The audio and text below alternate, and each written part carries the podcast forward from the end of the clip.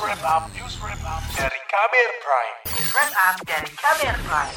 Saudara, perlambatan ekonomi mulai dirasakan para pekerja yang terkena imbas pemutusan hubungan kerja atau PHK. Sejumlah sektor dikabarkan sudah mulai kembang kempis sehingga terpaksa mem-PHK dan merumahkan karyawan.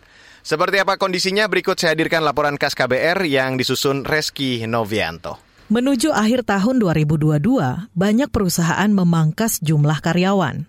Pemutusan hubungan kerja PHK hingga pekerja yang dirumahkan terjadi pada sejumlah sektor, seperti industri startup besar hingga industri tekstil. Industri startup besar seperti Gojek, Tokopedia, atau Goto belum lama memutuskan merumahkan 1.300 orang atau 12 persen dari total karyawan. CEO Andre Sulistyo mengatakan keputusan itu dilakukan manajemen karena adanya tantangan makroekonomi global. Setali tiga uang dengan Goto, perusahaan berbasis digital Shopee juga dilaporkan kembali melakukan PHK untuk ketiga kalinya. PHK gelombang ketiga hanya berselang dua bulan setelah Shopee merumahkan ratusan pegawainya pada September lalu. Startup backend lain, Ruang Guru, turut menempuh keputusan serupa dengan melepas ratusan pegawai. Perusahaan beralasan PHK dilakukan akibat kondisi pasar global. Di sektor tekstil, Asosiasi Pertekstilan Indonesia API mengklaim ada sekitar 30 ribuan pekerja sektor tekstil dalam negeri yang terpaksa dirumahkan. Sekjen API Rizal Tanzil Rahman membantah jika perusahaan disebut melakukan PHK.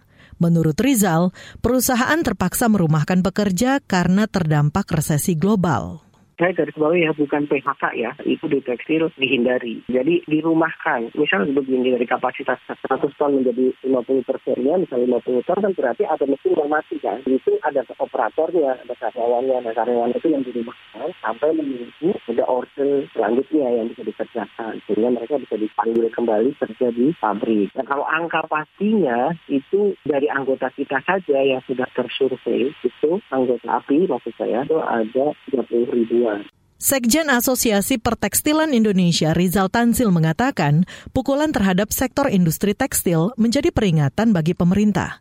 Ia mengatakan industri tekstil merasakan langsung dampak resesi karena banyak memasarkan produknya ke luar negeri. Menanggapi situasi ini, pemerintah berjanji akan memperhatikan secara seksama fenomena badai PHK yang terjadi di sejumlah sektor industri. Menteri Keuangan Sri Mulyani Indrawati mengatakan akan berkoordinasi dengan kementerian lain seperti Kementerian Ketenagakerjaan dan Kementerian Perindustrian.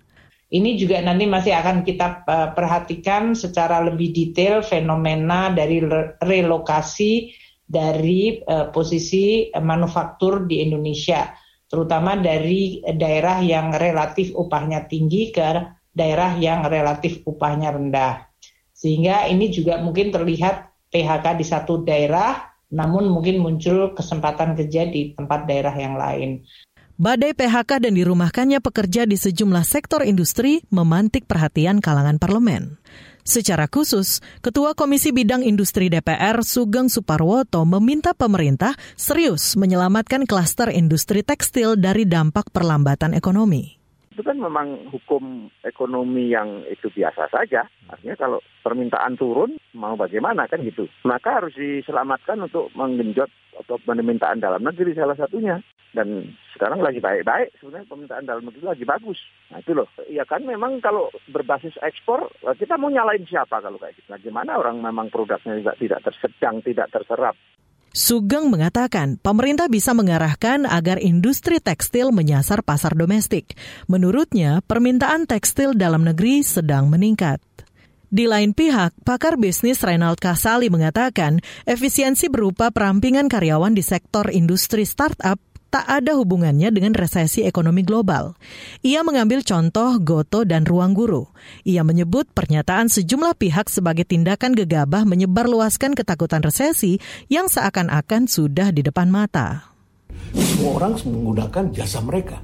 Tetapi apakah itu sustain? Yang pertama mungkin bakar duitnya secara berlebihan. Kalau bakar duit secara berlebihan, ini yang terjadi. Kompetisi di antara mereka. Yang kedua, ruang guru produknya kalau menurut saya memang ya ini agak kurang sustain. Bayangkan siapa yang mau kursus dan kemudian berkelanjutan memanfaatkan kartu prakerja pada masa itu. Dan kemudian sekarang kita lihat kursus-kursus gratisan ada di mana-mana. Jadi ini adalah masalah model bisnis, masalah kecocokan. Data Badan Pusat Statistik BPS mencatat, tingkat pengangguran terbuka TPT Indonesia pada periode Agustus lalu tercatat 5,86 persen atau sebanyak 8,41 juta orang.